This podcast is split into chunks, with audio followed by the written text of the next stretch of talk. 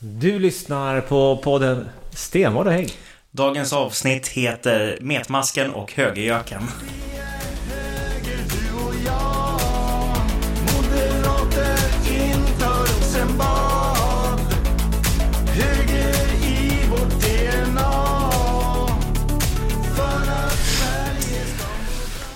Välkommen eh, tillbaks efter sommarledigheten får man väl säga till oss. Ja, men tack ska du ha. Tack ska du ha. Har du haft en eh, bra sommar? Men det tycker jag. Väldigt lugnt.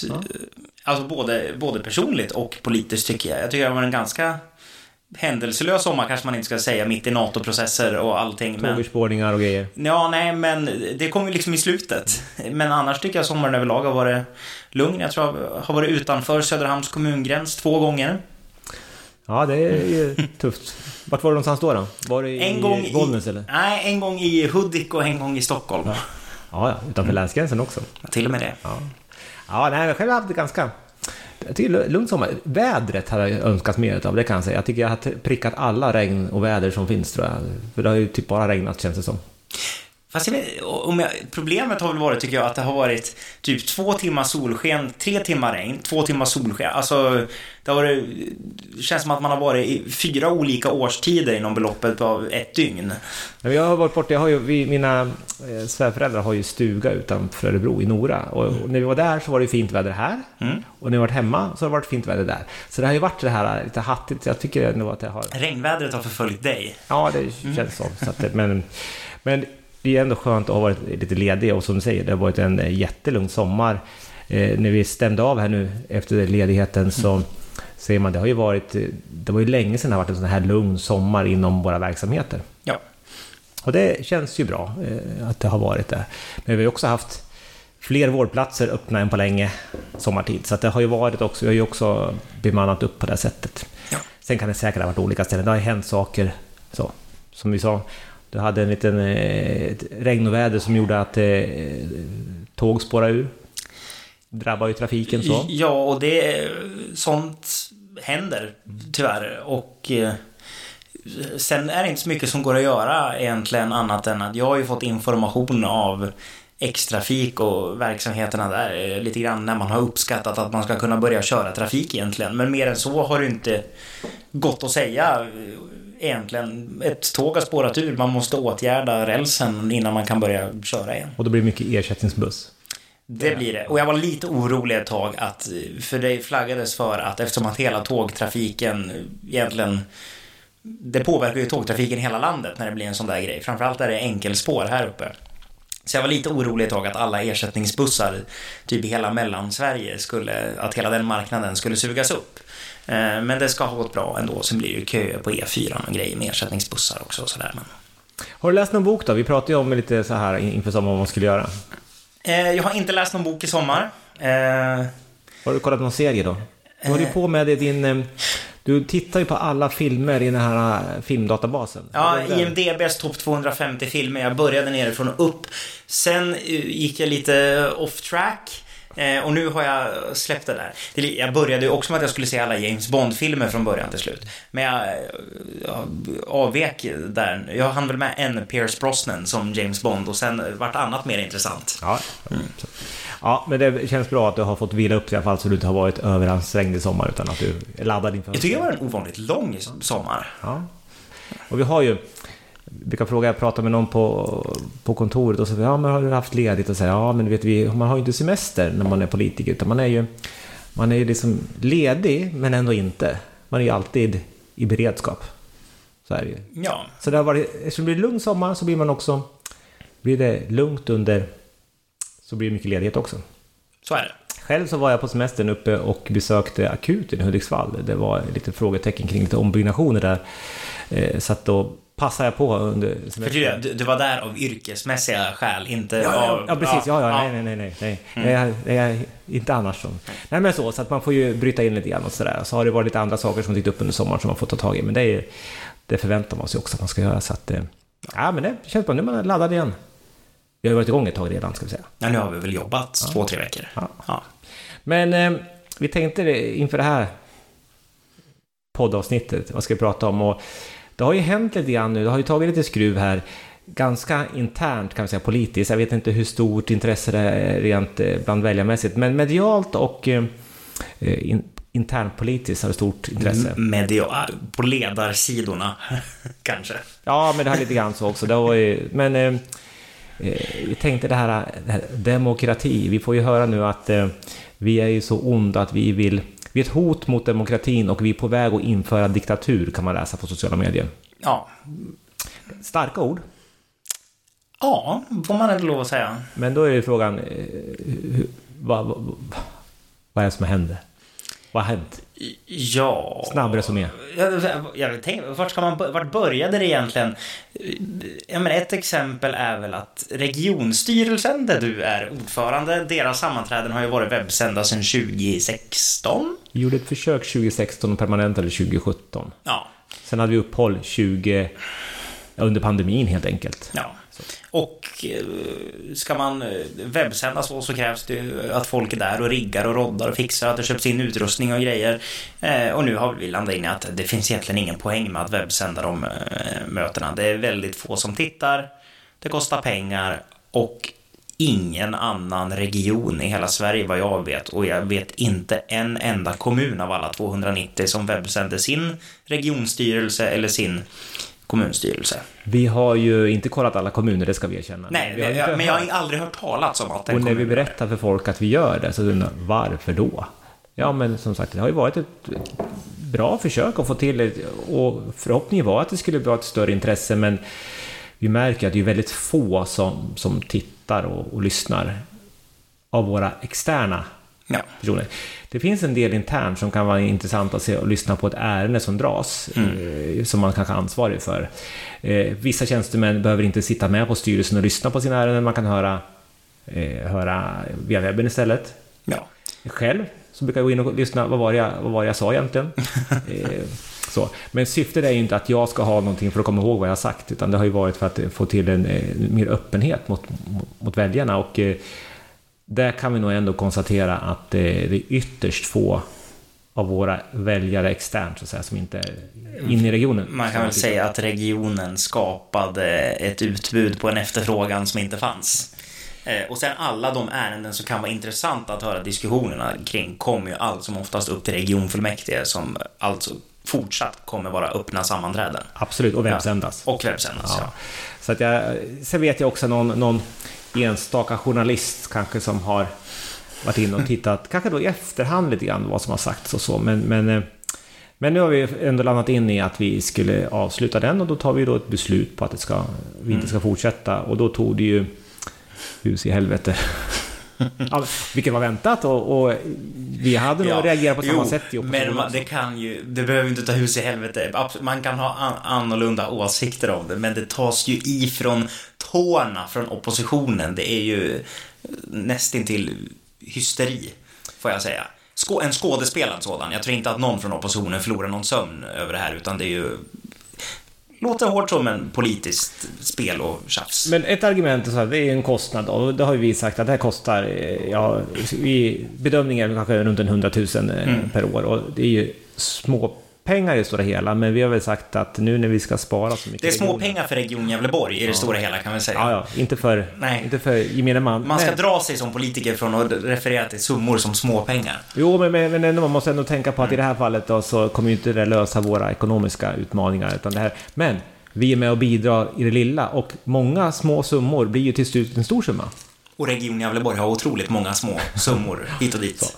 Så att det, är väl, det är väl huvudskälet. Men då får vi höra ifrån oppositionen att det här är ju odemokratiskt och som sagt var att vi är på väg att införa det här. Vägen mot diktatur går via att Region Gävleborg inte webbsänder styrelsemötet. Så. Ja. Men eh, hur, Det är också be- alltså det, det är klart att är det ett hot mot demokratin så är det allvarligt, absolut. Men, men eh, du menar alltså att de inte, de tror inte på det själv riktigt? Nej, jag tror inte de tror på det själv riktigt. För jag menar, om vi tar vår opposition då, sossarna, Centern och Vänsterpartiet, som sitter och styr i många andra regioner och kommuner där det inte webbsänds, då kan man ju fråga, är de regionerna och de kommunerna diktatur. Det är alltid så svårt när de ska dra, sig, dra det till sin spets. Det är stora ord man använder. Ja men alltså när de drar det till sin spets, då så här tänker jag, alltså hur ser de dig? Då tänker jag med dig i någon typ så här Muammar Gaddafi-uniform, typ. Men det är så långt ifrån verkligheten. Så nej, det, det kommer inte införas någon diktatur på grund av att det inte webbsänds. Då är det bra med webbsändning, då ser de att det inte är så. Då ser de att du sitter där i vanlig skjorta och Ja, chinos eller någonting. Ja, De kan till och med vara lite trevliga ibland också. till och med det. Nej, men det där, men, men det är ändå liksom, jag tycker man ska ta eh, de, de anklagelserna på, på fullaste allvar. För jag menar, eh, det finns ju saker som händer i samhället som absolut kan påverka demokratin. Eh, men det finns ju också sätt att kompensera. För jag menar, som du säger, fullmäktige är webbsänt. Mm. Öppna sammanträden har varit det under vår livstid, i alla fall. Din livstid i alla fall. Så gott som. Ja, nej men så är det va. Och det är klart att då får man ju den möjligheten att, vända och vrida på argumentationen. Sen får man ju kompensera på annat sätt. Det är inte så att tidningarna kommer sluta skriva om det som händer i regionen för att det inte webbsänds. Nej. Och jag kan väl säga att jag kan ju tycka att det inte är ett hot mot demokratin, men det kan vara ett större problem för demokratin när man frångår praxis och petar man frångår den praxis som råder i typ riksdagen och ska peta utskottsordföranden på grund av att de har sagt någonting de tycker. Men det får de inte säga och då ska de inte ha den position de har rätt till enligt menar det är ett riksdagspraxis. större hot mot demokratin att man är inne och petar på det sättet? Jag, skulle inte, nej, jag tycker inte att det är ett hot, men det är ett större problem än att ta bort webbsändningar för en regionstyrelse i Jag försöker Mellansverige. lyfta perspektivet lite grann och se Ja, en i vår lilla ankdamm på något sätt. precis. Men en del som vi har diskuterat ganska mycket, och det har vi gjort även när vi har haft webbsändningar, och även innan och under och efter, det är ju samtalsklimatet, alltså det politiska klimatet. Vi har pratat om det här i podden också tidigare. Eh, Och det, frikopplat från webbsändnings vara eller icke vara, så är det ju ett problem när man har ett politiskt samtalsklimat som är så pass tufft och hårt som det är i, i vår region. Alltså det, det även i fullmäktige är ju ett klimat som inte är... Det finns mycket mer att önska. Ja, men det, det är nästan ett eh, amerikansk presidentvalsdebattstonläge i vårt regionfullmäktige ibland. Eh, Och kanske inte alltid lika... Lika tillspett. Ah, ja, men, jag, jag, det kan ju vara så att hela... Vi pratade förr om, om Trump och allt vad det har skapat, men det kan ju vara så att vi har tagit... Vi har, det har smittats till, till oss. Tror du det? Ja, det har väl liksom kokat ner i hela västvärlden egentligen, tror jag, till någon form av ska inte använda ordet kulturkrig, men det har väl det har blivit en enorm polarisering, främst skulle jag säga mellan eh, våra vänner i majoriteten, Sverigedemokraterna och eh, partierna på mitten-vänsterkanten, alltså Centern, MP, sossarna, vänstern. Där det är liksom eh, två olika sidor av spektrumet som är i konstant konflikt med varandra och någonstans emellan där rent politiskt är väl vi moderater, liberaler och KD. Eh, någonstans upplever jag det i alla fall och är, ja, vi tycker olika om sakerna, kan vi bara sätta oss ner och eh, fatta beslut och ja, typ så. Ja, för klimatet är som vi säger, det är ju är hårt och man säger också att man ska granska majoriteten, vilket är helt rätt. Det är ju oppositionens, en av deras viktiga uppgifter är att granska en majoritet. Eh, Men man kan ju uttrycka sig på lite olika sätt. Och jag har ju hävdat eh, och också sagt eh, att det, det är ju en, en mobbarkultur som finns. Man, eh, man går på mer person än sak. Eh, säger någon någonting så går alla på och det är gärna att det ska vara liksom att eh, man har tillmälen på, på sina motståndare. nu hoppas jag inte att vi har använt tillmälen. Det kan ha hänt och då vill jag be om ursäkt för det inte. Jag tycker att vi ska vara, man ska tänka efter hur man uttrycker sig. Men vi har ju några exempel på hur man har hur man uttryckt sig, både i fullmäktige men, men också regionstyrelsen och också andra församlingar. Och på ledarsidor och debattsidor och Ja. om vartannat. Och där tycker jag man bör fundera på, för när man använder sådana starka uttryck man gör så kommer man ju också sätta en kultur att det är okej att säga så om politiker. Eh, och vem vill vara politiker när man blir så ansatt? Vi har ju, vi har ju, vi har ju vi har, inför det här så har vi gjort lite research vi, för att gå tillbaka i minnet. Vad är det, vad har, vad har de kallat dig för? Det, men det senaste jag känner till eh, så, jag, jag har varit kallad, ja, nu skiter väl jag i det i och för sig, jag, kan, jag tyckte att det var ganska kul uttryck. Hög, Men, men det vet man ju inte när man säger det. Nej. Om den som tar emot den tycker att det är kul eller om man blir ledsen. Eller blir kränkt. Nej, det vet ju inte den som säger det. Så att, ja. så här, jag var kallad högergök av en centerpartist på en ledarsida och nu har jag ändå varit inne i politiken ett tag och vet hur tonen är. Och jag, jag kan ta det, för jag, som jag sa, jag tyckte det var lite småkul så jag bryr mig helt ärligt inte så mycket. Men jag skulle ju inte kunna gå in på en vanlig arbetsplats i ett vanligt kontorslandskap på ett företag och inte vet jag, skicka mail till mina kollegor och kalla dem för höggök eller någonting. Eh, så. Nej, jag har blivit kallad, eh, det här är ju förra mandatperioden, för fascist. Eh, eller det var väl kanske SD Mm. som var fascister, men jag var också fascistisk, ja, typ så. Och jag menar, eh, det är starkt uttryck så. Mm-hmm. Eh, vi hade styrelsemöte igår. Mm. Då blev kallad för eh, metmask. Du slingrade dig som en metmask. Ja, precis. Eh, kanske den tyckte var lite kul, men man vet ju inte hur, hur det uppfattas. Och du sätter ju liksom en kultur mot andra, att jaha, det är okej att säga vad man vill till folk. Men så. Ryggradslös har jag också hört eh, på senaste tiden, typ att vi så, så de går på riktigt, riktigt hårt. Eh, och det tycker jag, det anstår inte oss förtroendevalda att hålla på på det sättet. Nej, och, men sen har det ju också någonstans med åren, eller så har det väl egentligen alltid varit, så länge jag har varit politiskt medvetande i, i alla fall, att eh, socialdemokrater, vänsterpartister, centerpartister skulle jag på senare år ha fått tolkningsföreträde. Eller de har, de får säga det, för de tillhör enligt hur folk liksom perceive it, den goda sidan av politiken. Eh, Medan om jag skulle kalla en sosse för en fascist, då skulle det ta, då skulle det ta hus i helvete. Vad skulle hända om du kallade en vänsterpartist för kommunist? Jag tycker det är också jätteallvarligt. Man, man gör inte det. Eh, Sen vill, ju vissa Jag brukar dra det till den spetsen ibland när man kallar typ dagens Sverigedemokrater för nazister eller kallar en eh, moderat för fascist. Då kan jag inte hålla mig ibland, så då drar jag det till sin spets och frågar, ja, men du som vill samarbeta med kommunister då? För då tänker jag tit for tat. Lite barnsligt, men vad fan. Eh, Sen finns det vänsterpartister som vill kallas som är kommunister. Så det är Sverige. Men, men, eh, men det vet man ju inte när man tilltalar någon.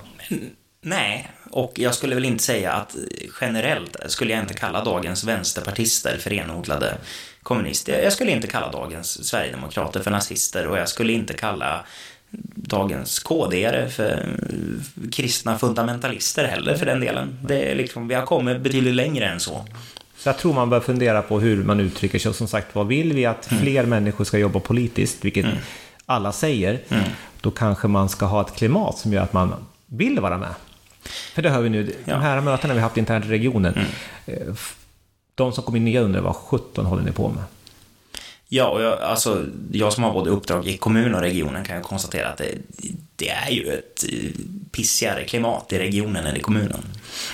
Så, att, så där har vi absolut någonting att, att jobba med. Men eh, jag tror också att det är viktigt att vi som politiker överlag kan sätta oss ner och resonera kring det här. Men vi får väl se om vi, om vi lyckas. Men jag ska säga, något jag har svårt för i politiken, som blir allt mer vanligt, det förekommer både kommunalt, regionalt och nationellt. Det är när politiska motståndare säger till varandra, du vill det här. Ja, just det. Ja. Man lägger liksom... Man tolkar in vad andra vill. Ja, och det... Jag tycker det är ganska dålig argumentation. Att man tar sin egen tolkning av ens motståndares ideologi och bara drar det till sin spets. Vad ska man ta för exempel? Jo, men säg att en... Ehm, mm, ja, men, säg det Moderata ungdomsförbundet, så där jag själv är medlem, vill avskaffa alkoholmonopolet och så kommer någon SSU-are till mig och säger du vill att folk ska dö i alkoholmissbruk. Mm. Eh, nej, nej. Det vill jag inte. Men då har de tagit sin egen analys av vad konsekvenserna skulle bli av ett sånt beslut, sin egen åsikt och kletat på att nej men det, det är villmuffare, att folk ska dö i alkoholmissbruk. Skulle det vara okej då om man var SSU-are, om jag tar på mig den hatten? Mm. Lite jobbigt så. Men, men, men eh, alltså, ja, nu vill alltså avskaffa monopolet. Mm. Eh, jag uppfattar det som att det innebär att då kommer människor dö av alkoholskador. Ja, det är en annan sak. Att jag berättar att jag gör den här Mm. tolkningen istället för att tolka ditt förslag åt dig. Alltså vi kan ju... Jag säger samma ja, sak, men på, oli- på olika sätt. Ja, men då, då formulerar man ju vad man själv eh, anser konsekvenserna skulle bli av ett sådant beslut. Och inte säga att det är min politiska motståndares intention att så ska bli fallet. Men man ska säga så här, jag vill ju inte att människor ska dö av alkoholskador. Därför vill jag ha kvar alkoholmonopolet. Ja, Är det också okej att säga? Ja det kan Då man säger jag ju säga. egentligen samma sak, Ja. fast på ett annat sätt. Ja, Ja. och Budskapet går fram. så är det. Ja. Så att det, det där tror jag man ska fundera på. Och det, vi har ju haft sådana diskussioner också när man försöker... Och då, där finns ju en fördel med en inspelad eh, sammanträde. Mm. Då kan man gå tillbaka och lyssna. Vad var det Alexander Hägg sa? Mm. Eh. Men jag noterar på slutet att det hjälper ju inte. Vi hade exempel igår en tjänsteskrivelse kring den här webbsändningen och så står det en text där. Och man till och med felciterar texten för att fultolka. Mm. Och sen, nej men så står det ju inte, så läser jag till. Jag tror jag gjorde det tre gånger. Lika 17 så ska man in och fultolka. Och det där har jag... eh, Ja. Ja. Mm. Får man nog fundera på själv också. Kan det hända att man gör det själv också någon gång? Jag hoppas inte att det händer allt för ofta. Jag kan inte säga att det aldrig händer, men, men ja. Tåls att fundera på. Man blir ju politiskt hemmablind ibland också och sugs in i det där. Tyvärr. Eh, Och vi blir väldigt så att säga, introverta inom politiska kretsen och våra väljare som tittar på det säger vad 17 håller ni på med? Ja. Kan inte växa upp så. Så att där finns en del att fundera på. Men vad gör vi åt det här nu då? Alltså nu måste vi liksom... Nu har vi ondgjort oss över oss, oss själva och alla andra och att Mm. elände och allting. Men vad ska, hur ska vi lösa det? Hur ska vi få till ett bättre klimat? Ja, tyvärr har man, det finns liksom ingen konkret lösning, eh, tror jag, på det. För dels tror jag att liksom sociala medier och tonläget där bidrar till det. Jag tror media bidrar till det, att det är mycket mer intressant att eh, rapportera om en riktigt het politisk konflikt än att rapportera, kolla här, nu har de kompromissat ihop det här förslaget. Det är inte så eh, sexigt att rapportera om. Så tyvärr tror jag att det är svårt att kunna slå igenom politiskt i dagens både medielandskap och politiska landskap eh, med, konse- med konsensus och att vara snäll. Det är mycket mer spännande med en politiker som står och kallar sin motståndare för dum i huvudet. Och då får man mer utrymme och når, tycker man, kanske fram till sina väljare på, Ja. på ett bättre sätt. Och, och sen kan det också vara att många av dina egna väljare hejar ju också på. För de som är inne liksom gillar den konflikten. Ja, Men jag tror ändå man bör fundera på själv och reflektera hur, hur är jag i ett politiskt samtal eller en politisk debatt? Och fundera på liksom, vad kan jag göra för att förbättra? Alltid gå till sig själv. Mm. Den enda jag kan förändra det är mig själv. Jag kan aldrig förändra dig. Nej. så är det. Men genom min förändring så kan jag påverka dig. Men eh, det går lite trögt. Så. Men vi börjar med den här demokratiaspekten. Den ska vi liksom inte negligera, för den är ju jätteviktig. Alltså vi lever i en av världens främsta demokratier. Ja. Eh, vad kan vi göra nu när vi tar bort webbsändningen, som ändå var ett sätt att försöka skapa större insyn? Nu har ingen, ingen tittat på det så, så att det har inte använts. Finns det andra sätt vi kan göra för att skapa möjlighet att få bättre insyn och, och delaktighet i, i det politiska samtalet? Alltså någonstans, för regionen är ju liksom, ja det är det bortglömda valet. Det är ganska diffust, vad håller Region Gävleborg på med? Vad är en region? Vad är en regions ansvar? Så jag tror först, först och främst, det kanske måste förtydligas utåt, både av politiker från alla partier, men också liksom medialt, så att folk blir, ah det är just det, det, det, det är den blå valsedeln är till för. Ehm, Sen har vi ju ett sånt här samtal. Nu är det bara vi, vi samma parti som pratar, men det är också ett sätt att faktiskt skapa dialog. Eh, För vi får ju återkopplingar på det vi pratar om och reflektioner.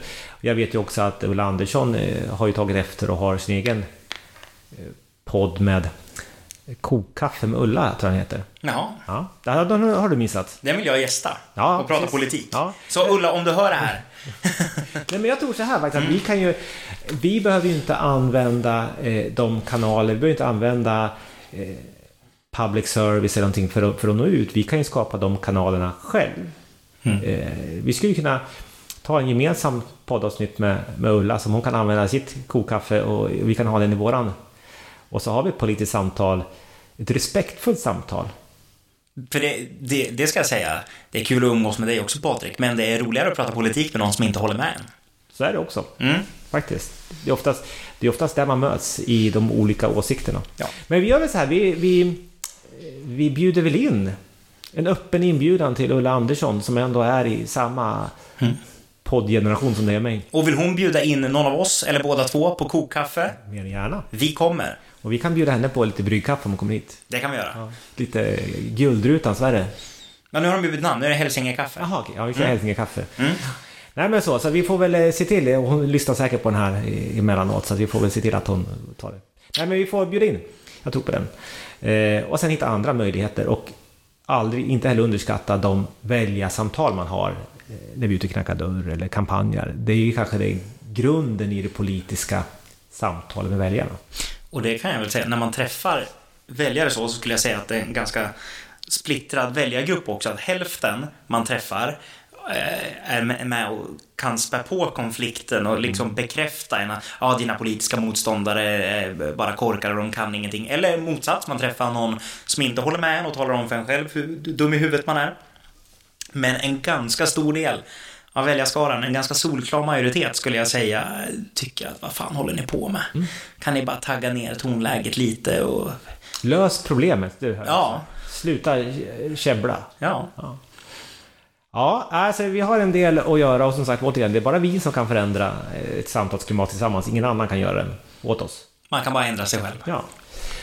Men de kloka orden från eh, Alexander Hägg så eh, tackar vi så mycket för det här Och- samtalet. Ja, och på återseende i september. Och vi får se ifall Ulla är med då eller kanske blir senare. Hoppas. Ja.